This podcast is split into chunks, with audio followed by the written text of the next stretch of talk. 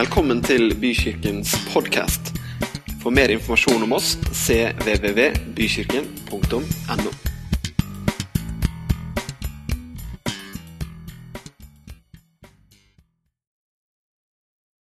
Dere, eh, hjertelig velkommen eh, til eh, å høre på meg. For dere som ikke har gjort det før, så blir det en ny opplevelse. For dere som har hørt det før, så håper jeg også at det blir en litt ny opplevelse. Eh, eh, Jeg heter da, som sagt Gunnar og er med i kirka her. Og om du ikke har vært i kirka her før, så håper jeg at du føler deg velkommen. At du kan være deg sjøl, at du kan sitte og slappe av.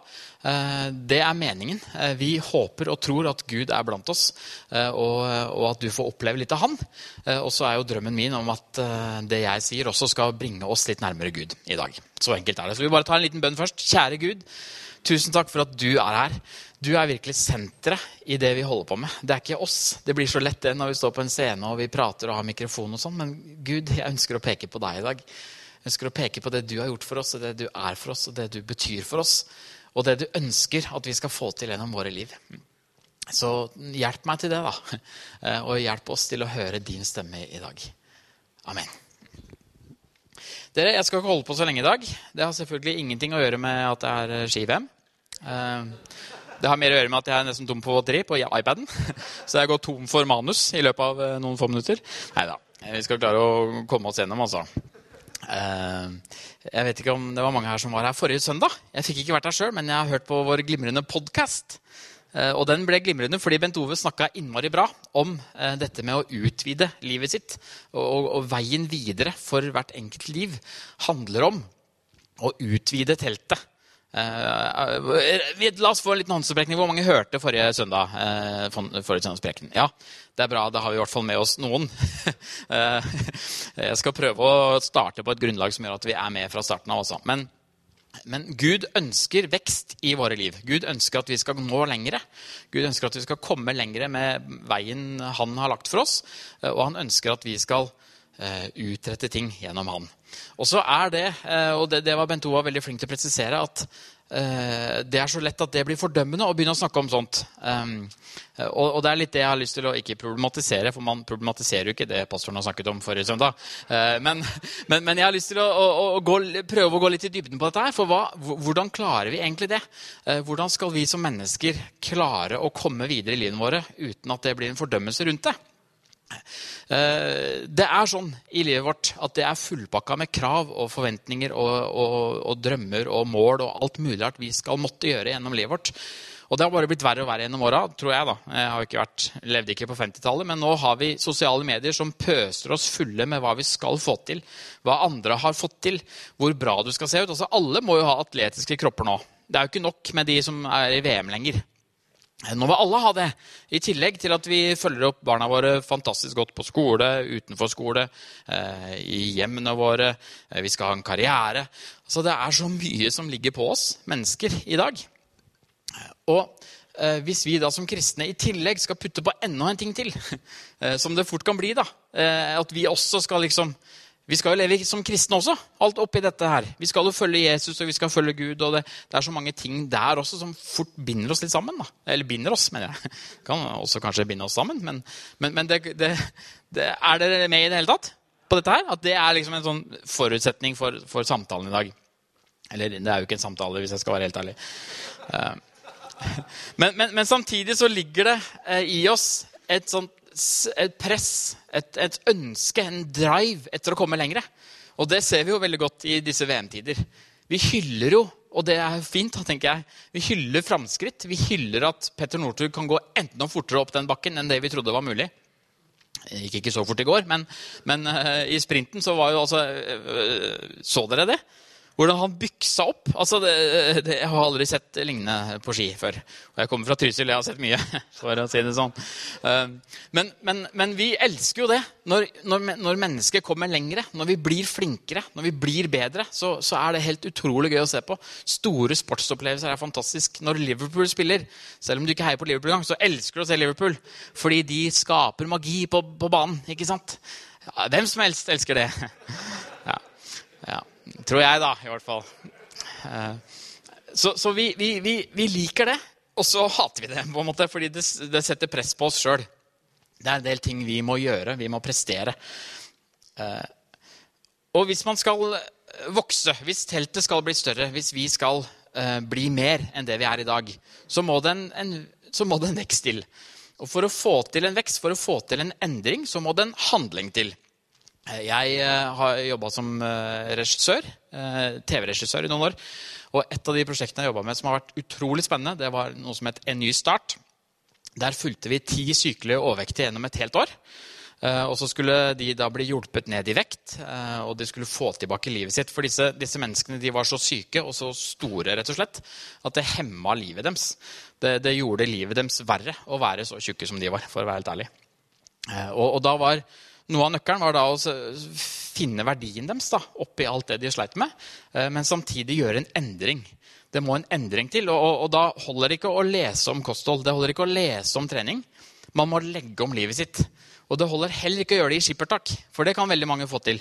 Eh, til og med jeg kan få til å gå ned noen få kilo eh, sånn, eh, på noen uker. Det kan jeg klare. Men disse menneskene, og egentlig jeg også, da, eh, må få til en livsendring for at det skal bli noe. Det må bli en varig forskjell. Og det er noe helt annet enn en, eh, enn en liten sånn hestekur. Eh, hvis det er lov å si når det gjelder å slanke seg. Men jeg vet ikke helt hva hestekur er, egentlig. Er hestekur noe som Det er kraftig kur. Det er, handler det om hva slags mat hesten får? Hvor stor dose en hest må ha for å Ja. Da har vi lært det. Da ble det en slags samtale. Ja, ja det er fint, altså. Ja. Eh, men hvis kristenlivet blir enda en ting vi må klare, vi må prestere, hvis det blir noe vi gjør, hvis vi skal komme oss nærmere Gud, så blir jo det religionsutøvelse. Så blir jo det, det blir religiøsitet. Og det er ikke jeg opplært til at kristenheten handler om. Det å være kristen handler ikke om at vi strekker oss til Gud. Det handler om at Gud har strekt seg ned til oss. Og, og eh, hvordan kan vi da strekke oss som mennesker når det er Gud som skal strekke? Er ikke det et litt spennende spørsmål? Ja, og jeg skal gjøre et alvorlig forsøk på å svare på det. Eh, jeg gruer meg litt, for jeg, jeg, er, jeg er, ingen teolog, rett og slett. Eh, så, så, ærlig skal jeg være. Så, det må liksom være. så dette er det jeg tror er riktig, da. ok? og så får dere liksom kjenne på det, om det stemmer for deres liv eller ikke.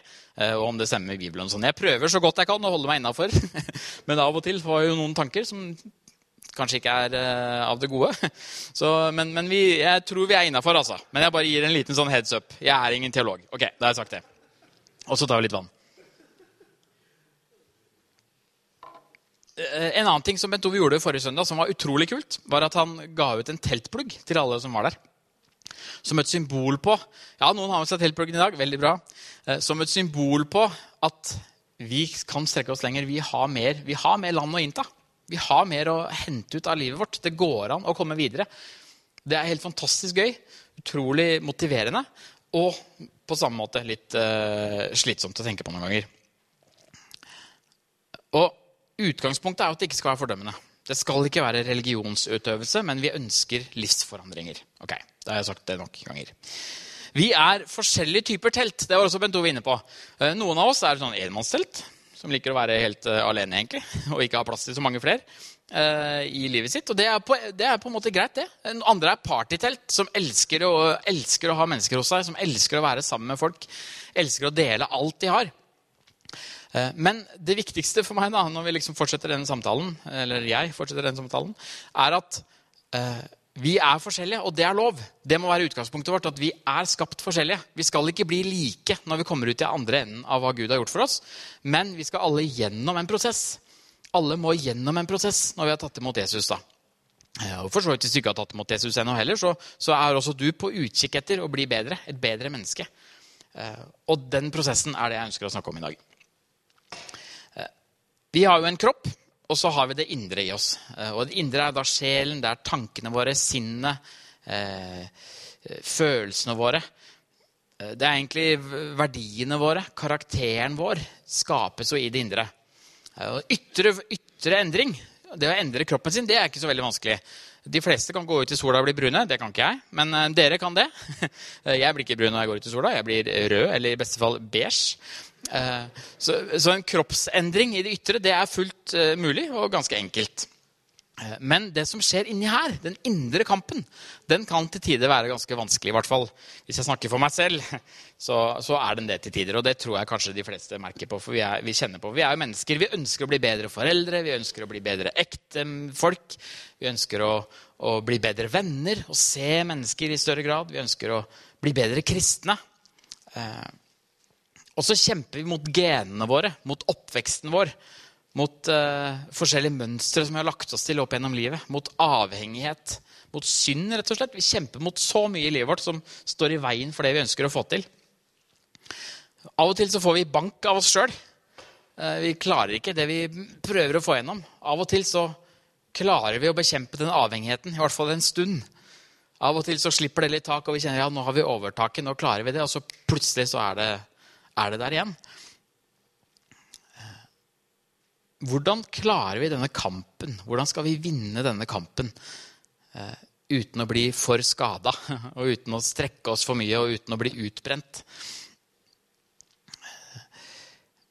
I Paulus eh, sitt brev til galaterne så snakker han mye om den kampen. her, og Utgangspunktet var at den menigheten i, uh, Gala, i Galatia de, den ble starta av Paulus, tror vi. i hvert fall, Ganske sikkert. Eh, men så kom det inn noen andre typer lærere eh, som var inne i den menigheten mens Paulus var borte. Eh, som snakket om at ja, du blir frelst av det Jesus har gjort for deg, at han døde for deg på korset, at det han gjorde, det var nok. Men du må følge loven for at du fortsatt skal holde deg innafor. Er teologer her i salen er enige om at det var utgangspunktet? Ja, takk. Uh, så måtte jeg gått av nå. Det hadde vært litt kjedelig. Uh, men uh, så, så, så, har Paulus et behov for å rette opp dette her. For det er ikke loven som gjør at vi fortsatt er frelst. Det er ikke det at vi holder budene, som gjør at vi er kristne. Det er nemlig det Jesus har gjort for oss, som gjør at vi kan gå foran han og si 'Hei, pappa. Takk for at jeg får være sammen med deg så ofte jeg bare vil'. Eh, så han skriver da til, eh, til galaterne i kapittel 5, vers 18-25. Jeg sier dere, lev et liv i ånden. Da følger dere ikke begjæret i menneskets kjøtt og blod. For kjøttets begjær står imot ånden, og åndens begjær står imot kjøttet. Disse ligger i strid med hverandre, så dere ikke kan gjøre det dere vil. Men blir dere drevet av ånden, er dere ikke under loven. Det er klart hva slags gjerninger som kommer fra kjøttet Hor, umoral, utskeielser, avgudsdyrkelse, trolldom, fiendskap, strid, sjalusi, sinne, selvhevdelse, stridigheter, splittelser, misunnelse, fyll, festing og mer av samme slag. Jeg har sagt det før, og jeg sier det igjen. De som driver med slikt, skal ikke arve Guds rike. Men åndens frukt er kjærlighet, glede, fred, overbærenhet, vennlighet, godhet, trofasthet, ydmykhet og selvbeherskelse. Slike ting rammes ikke av loven. De som hører Kristus til, har korsfestet eh, kjøttet med dets lidenskaper og begjær. Lever vi ved Ånden, så la oss også vandre i Ånden. La oss ikke være drevet av tom ærgjerrighet, så vi utfordrer og misunner hverandre. Oi, det er mye. Det er mye uh, mat i, her, uh, i, disse versene her. Så man må fordøye litt. jeg tror at en del av disse versene kanskje har skapt litt mer problemer for oss som kristenhet enn det vi egentlig kunne tenke oss. For Eh, denne ramsen av hva som ikke eh, er av Gud, da, hva som kommer fra kjøttet, dette med hor, umoral, utskeielser osv., det er så utrolig konkret. Det er kjempekonkret hva som ikke er fra Gud. Og det er lett å se, og det er lett å måle.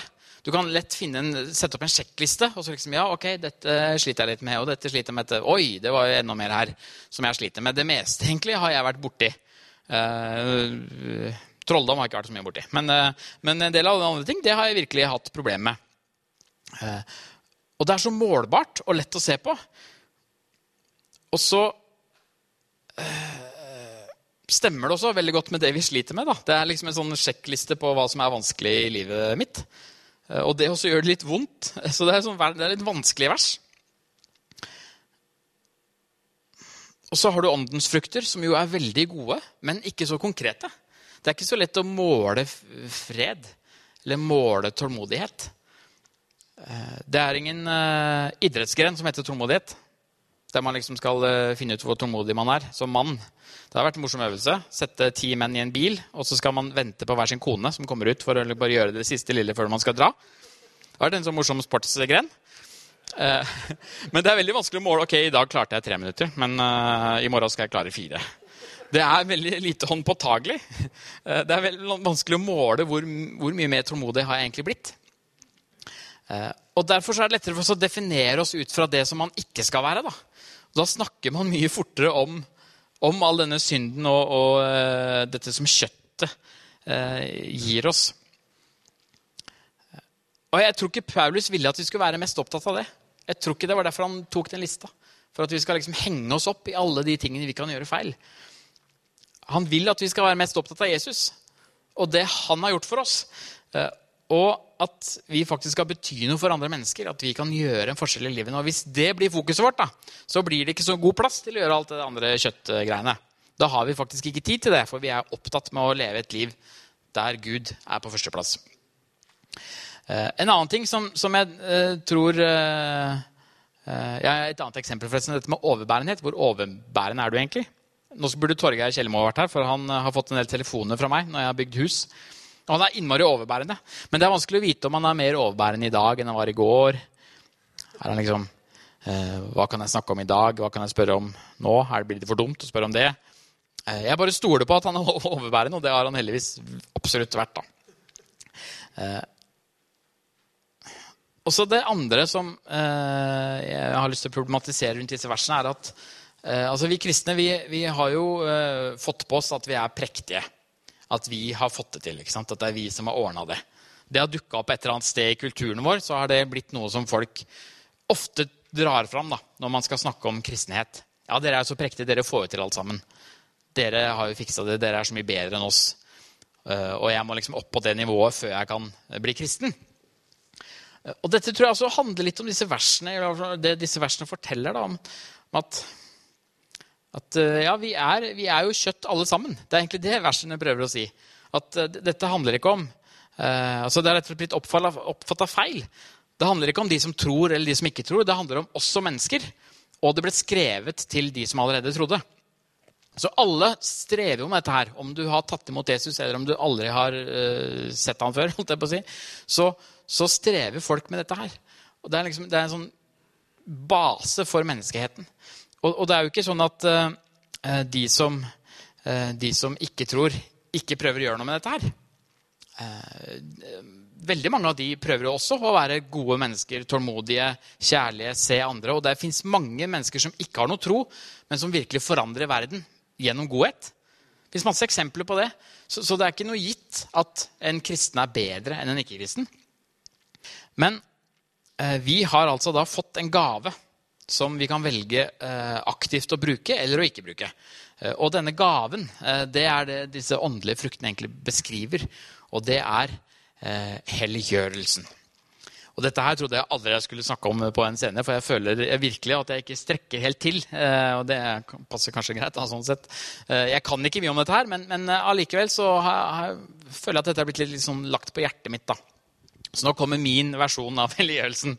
Okay? Og så tror vi at den er ganske lik utsiden. Og så, ja. Dette har vi snakka om før. Uh, men uh, helliggjørelse det handler uh, først og fremst om at vi blir hellige. vi blir hellige når vi tar imot Jesus. Så sier Gud at ok, nå har Jesus gjort dette her for deg, og da ser jeg på deg som hellig.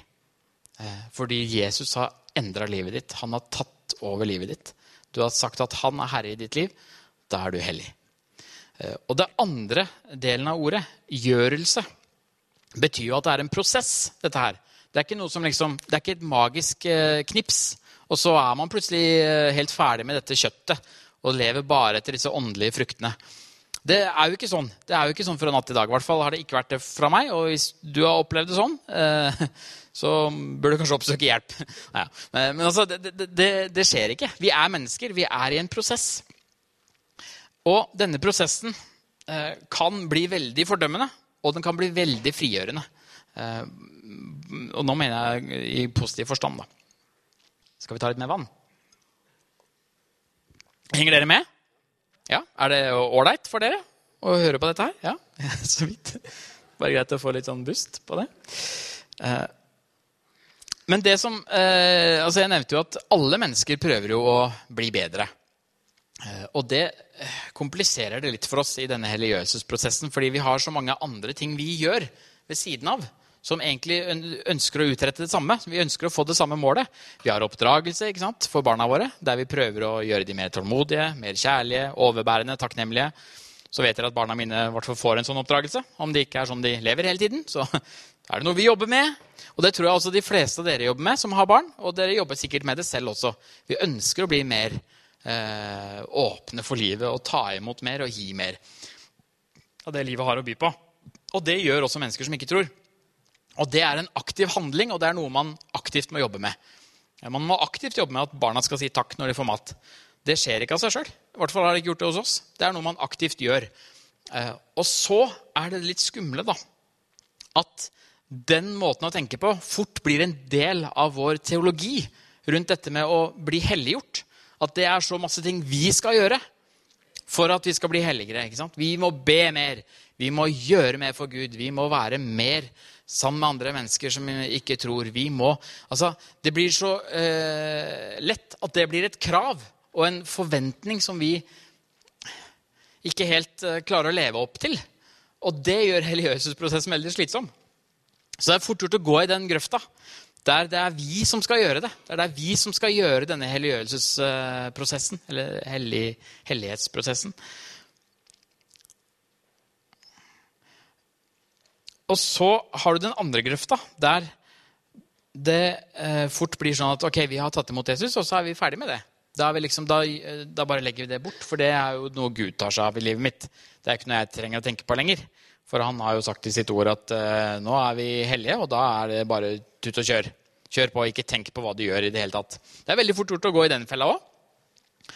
Men jeg tror det fins en utrolig fin uh, middelvei uh, som ja, For det er jo sånn at man da leser en oppskrift. Du har jo da Bibelen som oppskrift, og så leser man den. Og så, så er det akkurat det samme som disse folka i Ny Start. da som skulle gå ned i vekt. som bare lese, Du kan ikke bare lese oppskriften, du må faktisk leve oppskriften. Og nå skal vi se litt på den oppskriften. Er dere klare for oppskriften? har jeg skrevet her i notatene mine. Ja? Får jeg få litt sånn respons, da? Ja, har jeg gjort det. Så fint! Ehm, det står i Matteus eh, kapittel 11 og vers 25 og utover. Eh, så står det På den tiden tok Jesus til orde og sa, Jeg priser deg, far, himmelens og jordens herre, fordi du har skjult dette for vise og forstandige, men åpenbart det for umyndige små. Det er for så vidt ikke noe kompliment til de av oss som sitter her. At vi er uh, uvise og Nei, det var ikke så morsomt, syns dere? Jeg syns det er litt morsomt. Um, men vi fortsetter, ja. Herlighet. Det funka ikke så bra. Ok, Men det er lov. Det er lov å ikke være morsom alltid. Uh, ja, far, for dette var din gode vilje. Alt har min far overgitt til meg. Ingen kjenner Sønnen unntatt Faderen. Og ingen kjenner Faderen unntatt Sønnen, og den som Sønnen vil åpenbare det for. Kom til meg, alle dere som strever og bærer tunge byrder, og jeg vil gi dere hvile. Ta mitt åk på dere og lær av meg, for jeg er mild og ydmyk av hjerte. Så skal dere finne hvile for deres sjel. Så skal dere finne hvile for deres sjel. For mitt åk er godt og min byrde lett. Så, så, Jesus snakker jo om at, en, at det er en hemmelighet. At det er en åpenbaring som må skje. Uh, at, at, det er en del som ikke ser dette her. Uh, og, og, og, det tror jeg gjelder mange av oss som allerede tror også. At det, vi, vi, det, det er vanskelig å få litt tak på hvordan en sånn prosess kan skje. Da. Og jeg tror noe av hemmeligheten er den, i den kontrasten som Jesus snakker om. Der han snakker om hvile, så snakker Paulus om kamp. Paulus snakker hele tiden om kampen for å bli eh, fullkommen. Eh, han, han, bruker seierskrans som bilde, han bruker løp som bilde. At det er en skikkelig kamp. Eh, men Jesus snakker om hvile, og hvordan får vi dette her til å funke? Helliggjørelse det skjer ikke gjennom at vi gjør vårt beste for Gud. Helliggjørelse det skjer gjennom at vi gir oss til Gud. Når vi gir vårt liv til Jesus, når vi gir hele livet vårt til Jesus og sier, 'Jesus, kan ikke du bare ta alt jeg har?' Kan ikke du bare ta over livet mitt? Da skjer helliggjørelsen. Og da er det ikke du som gjør det. Da er det ikke vi som religiøst prøver å endre oss sjøl. Men da sier vi, Gud, ta livet mitt. Jeg vil gjøre det du sier. Jeg vil, jeg vil eh, være så tett på deg som jeg bare kan for at du skal endre mitt liv. For at jeg skal bli en annen person i dag enn jeg var i går. For at du skal bringe meg litt nærmere den personen du har skapt meg til å være, enn det jeg faktisk har klart sjøl. Er ikke det fint? Det syns jeg er så veldig fint. Så kampen vi kjemper, og kampen som Paulus snakker om, det handler ikke om at vi skal unngå å gjøre ting. Men det handler om å hele tiden kjempe, å, kjempe mot vår egen egoisme. Da. Og kjempe for at Gud skal ta mitt liv. At jeg skal gi litt, mitt liv til Gud hver eneste dag. Og Hvis jeg gjør det, hvis jeg aktivt sier Gud, her er livet mitt, hver eneste dag, så vil livet mitt forandre seg. For da får han rom til å gjøre endringen. Da er det ikke vi som presser på. Og da forstrekker vi oss ikke når vi utvider de teltene våre. Da, da blir det ikke sånn at vi kramper oss ut. Eh, da bærer vi rett og slett frukt. Og det er jo det, det, er jo det vi er kalt til å gjøre. Eh, vi skal se på Johannes kapittel 15, vers 4-5. Der står det, det er også Jesus som sier dette her. Bli i meg, så blir jeg i dere. Slik som greinen ikke kan bære frukt av seg selv, men bare hvis den blir på vintreet, slik kan heller ikke dere bære frukt hvis dere ikke blir i meg. Jeg er vintreet, dere er greinene. Den som blir i meg og jeg i ham, bærer mye frukt, for uten meg kan dere ingenting gjøre. Så dette handler ikke om hva jeg gjør. Dette handler ikke om eh, å være litt mer tålmodig i morgen, eller eh, å, eh, å liksom sette opp en slags syvstegsplan på hvordan jeg skal være snillere ektemann. Kan godt gjøre det også, men det er ikke en del av helliggjørelsen. Og det er så deilig å, å, frigjøre seg fra det. Det er ikke der jeg skal legge inn trøkket på å leve bedre som kristen. Der jeg skal legge inn trøkket, det er på å si Gud, her er livet mitt. Hver eneste dag i alt jeg gjør. Jeg har så lyst til at du skal bruke meg. Jeg har så lyst til at du skal ta livet mitt og gjøre det verdifullt for de rundt meg. Mm. Eh. Og så er det veldig lett å tenke at de som Gud ønsker å bruke, er de som har kommet lengst i helliggjørelsesprosessen. Det høres jo logisk ut. At når du liksom har kommet et visst, et visst, på et visst nivå da, i helliggjørelse når du, når du, kan vente på kona i fem minutter i bilen uten at du svetter eh, Da skal liksom Gud begynne å bruke deg. Men det funker jo ikke sånn heller. Og det er jeg jo veldig glad for, fordi det er ikke prestasjonsbasert når Gud bruker deg. Så er ikke det fordi du har fått til noe, men det er fordi du har åpna livet ditt for han og sagt til deg hver eneste dag Gud, i dag gir jeg også livet mitt til deg. Kan jeg få bli brukt på en eller annen måte i dag? Da er det Gud i oss som gjør en endring, og ikke vi som presser det fram. Uh, og så har vi litt få hjelpemidler eh, til å gjøre dette. Det er en veldig sånn abstrakt prosess. Veldig få sånne milepæler som man kan liksom si at der skjedde en endring, eller det der skal jeg aktivt gjøre for å, bli, for å slippe Gud mer til i livet mitt. Men en av de tingene som man kan gjøre, og som for meg var veldig viktig da jeg var 14 eh, år, det er rett og slett å døpe seg. Det er en, en sånn konkrete handlingene vi kan gjøre for å si Gud, vet du hva, jeg legger ned livet mitt. Jeg lever ikke lenger for meg sjøl, men nå ønsker jeg at du skal ta over. Eh, og det er det man gjør når man døper seg. Så kommer man inn i et nytt liv med Gud. Man våkner opp til et nytt liv der Gud er i sentrum, og der Gud får styre. Og en sånne symbolske handlinger Kanskje vi skulle begynne å døpe oss hver dag for å huske på eh, Ikke at det er teknologisk forsvarlig. Nå er vi på den der biten der jeg snakker sjøl. Tror ikke vi skal døpe oss hver dag. Men, men, men, dette med at man har eh, noe som trekker seg litt videre. Da. Dette med at man prøver å gjøre det litt sånn Ja, den dagen da jeg var 14 år og døpte meg, det husker jeg innmari godt. For det, en, det skjedde noe. Både jeg tok et valg, og Gud kom inn i livet mitt på en annen måte. Det betyr ikke at alt er ferdig, at uh, livet mitt er planke på langt nær, men det betyr at jeg har gitt Gud førersetet. Uh, symbolsk, og så må jeg likevel gjøre det hver eneste dag i tillegg. Men uh, jeg var så vidt inne på at det handler ikke om hvor langt vi har kommet i helliggjørelsesprosessen. På hvor mye Gud ønsker å bruke oss, og hvor veien går videre. Gud spurte Jesaja hvem skal jeg sende. Eh, Hvem skal gå for oss? Og Jesaja svarte, 'Send meg'. Det er de som står foran første køen. Gud, bare send meg. Send meg. Bruk meg. Arbeiderne er få, har vi hørt. ikke sant? Høsten er stor. Det er jeg. Jeg vil gjøre det, Gud. Jeg vil hjelpe deg. Jeg vil være, jeg vil være din ambassadør her på jorda. Jeg vil leve livet mitt sånn at mennesker rundt meg skal få bli mer kjent med deg. Og få i hvert fall merke litt av hvem du er, gjennom å ha møtt meg.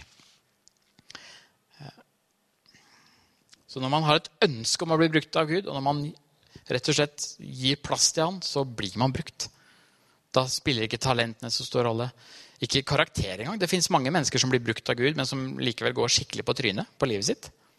Men det hjelper oss veldig da, å ha en trygg karakter i bunnen.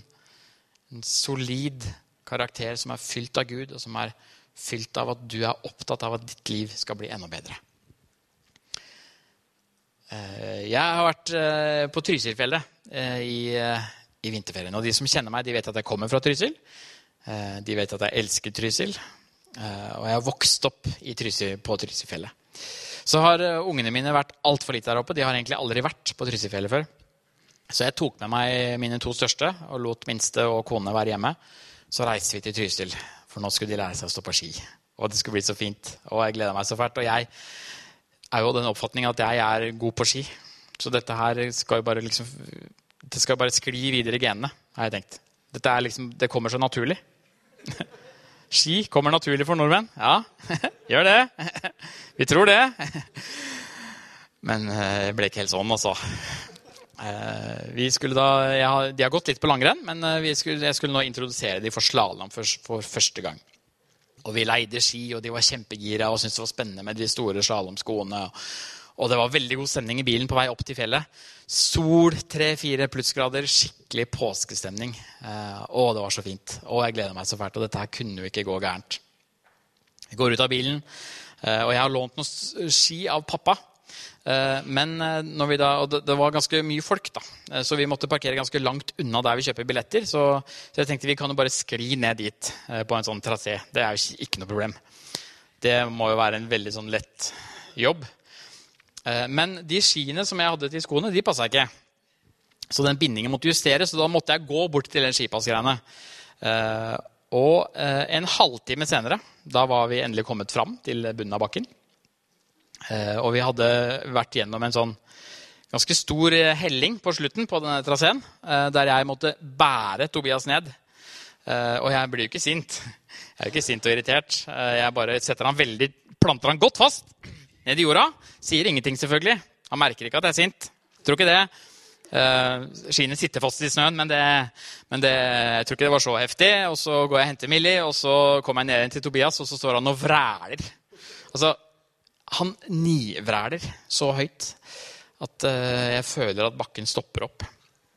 Uh, jeg klør! Jeg klør! Og han har på seg ull under. Uh, og dette hadde vi blitt enige om for to timer siden. det var en veldig god idé. Og jeg hadde ikke hørt noen ting om kløing før akkurat det øyeblikket der.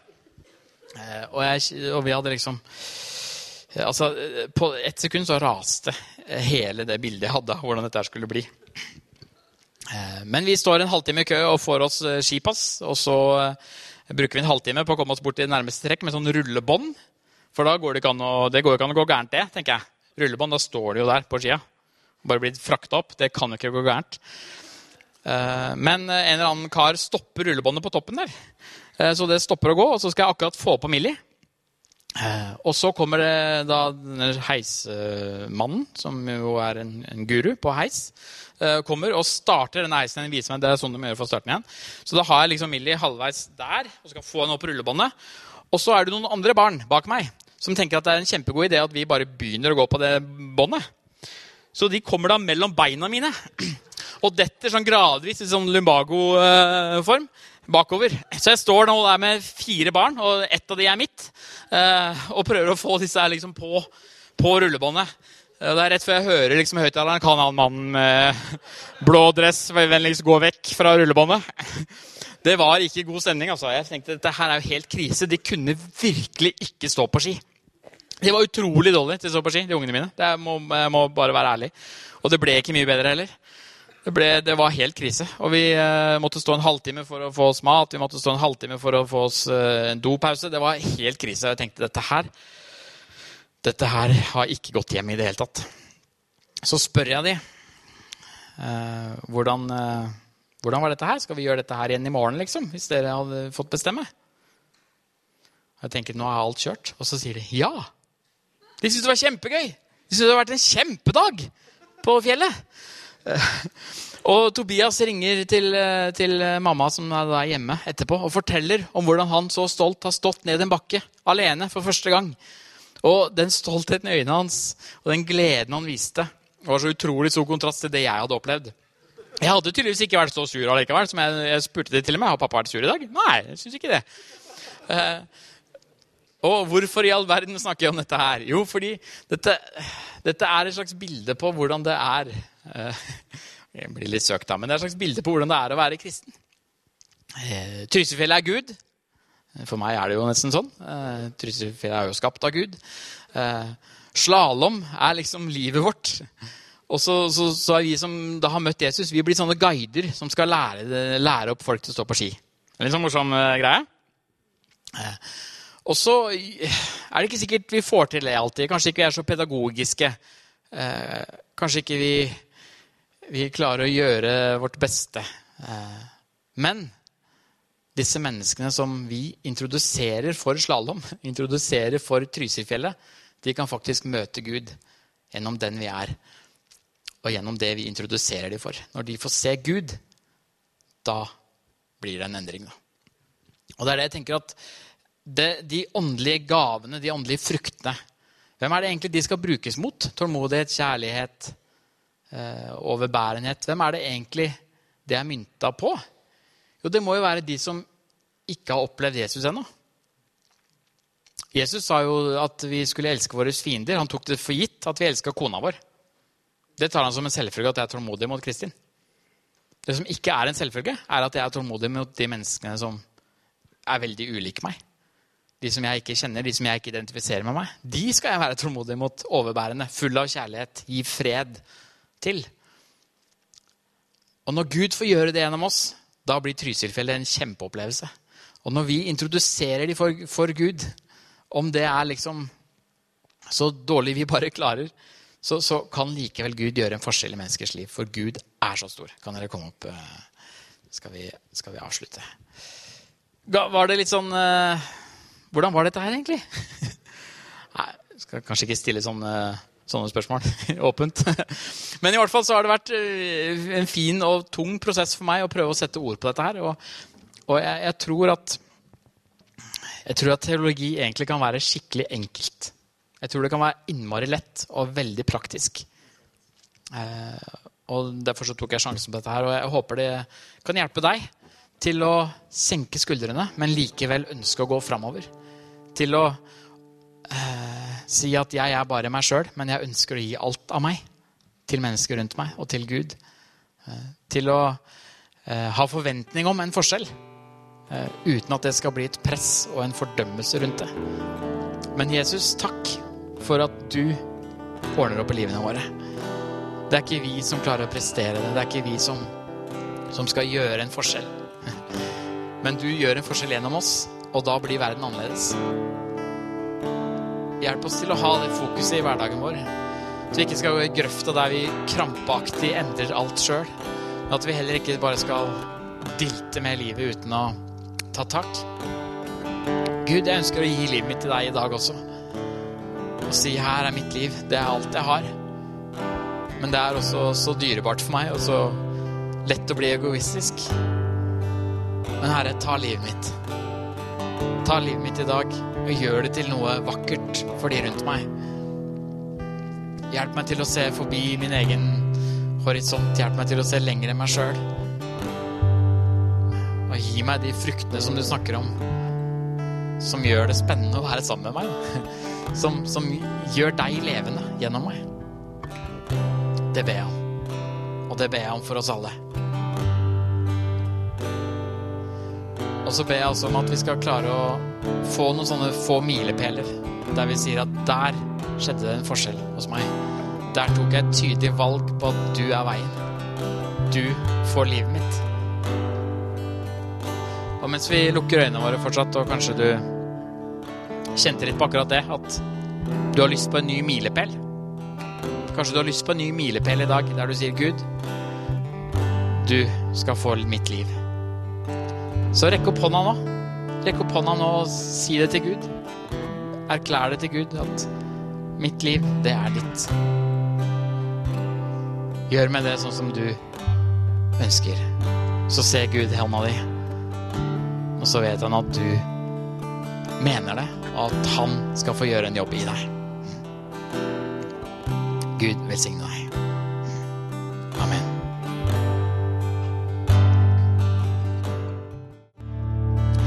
Har bare lyst til å si en liten ting til her mens jeg satt og tenkte på hvordan dette her egentlig gikk.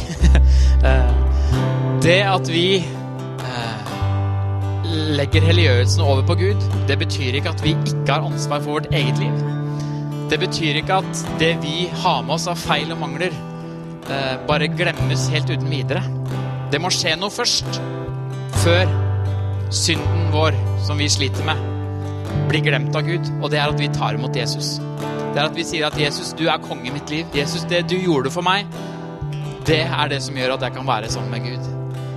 Han døde for oss. Han tok all vår skyld og skam og synd og alt det vi sliter med, tok han på korset. I en død som, som var voldsom, og en oppstandelse som var enda større. Han sto opp igjen for at vi skal få lov til å være sammen med Gud. Og hvis dette med helliggjørelse høres rart ut for deg, hvis dette med åndens frukt høres rart ut for deg, men kanskje du kjenner deg igjen i alt det som er vanskelig i livet, så har jeg lyst til at du skal ta imot Gud i dag. Ta imot Jesus i dag og si, 'Jesus, det Det får du fikse opp i, for det klarer jeg ikke sjøl. Jeg er ikke fullkommen sjøl, men du kan gjøre meg hellig. Du kan gjøre meg ren. Og hvis du er der i dag at du har behov for å gjøre det, så syns jeg du skal rekke opp hånda di, så skal vi be en bønn sammen. Vi skal ikke presse fram det, men, men, du har muligheten nå til å rekke opp hånda di og si 'Jesus, ta livet mitt.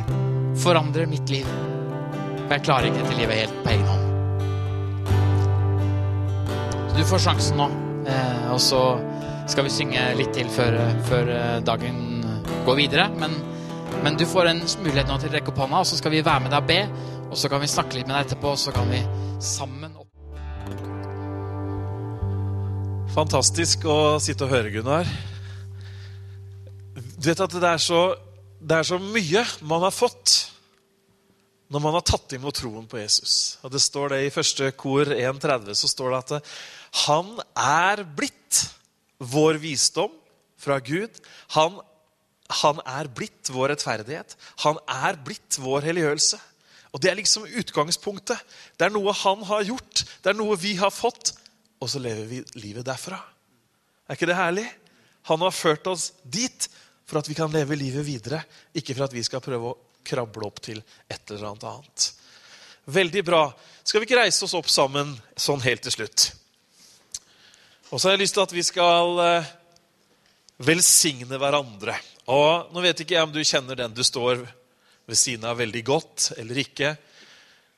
Hvis det er greit, så kan du legge hendene på skuldra til den som står ved siden her. Så kan du bare rekke hendene mot, og så har jeg lyst til at vi skal lyse velsignelsen over hverandre. Så da sier jeg det først, og så kan dere si det etterpå. Så sier vi det høyt og tydelig i kor. Herren velsigne deg og bevare deg. Herren la sitt ansikt lyse over deg og være deg nådig. Herren løfte sitt ansikt på deg og gi deg fred. Amen. Gud velsigne deg i uka som kommer. Ha en god uke, og så fortsetter vi praten der ute.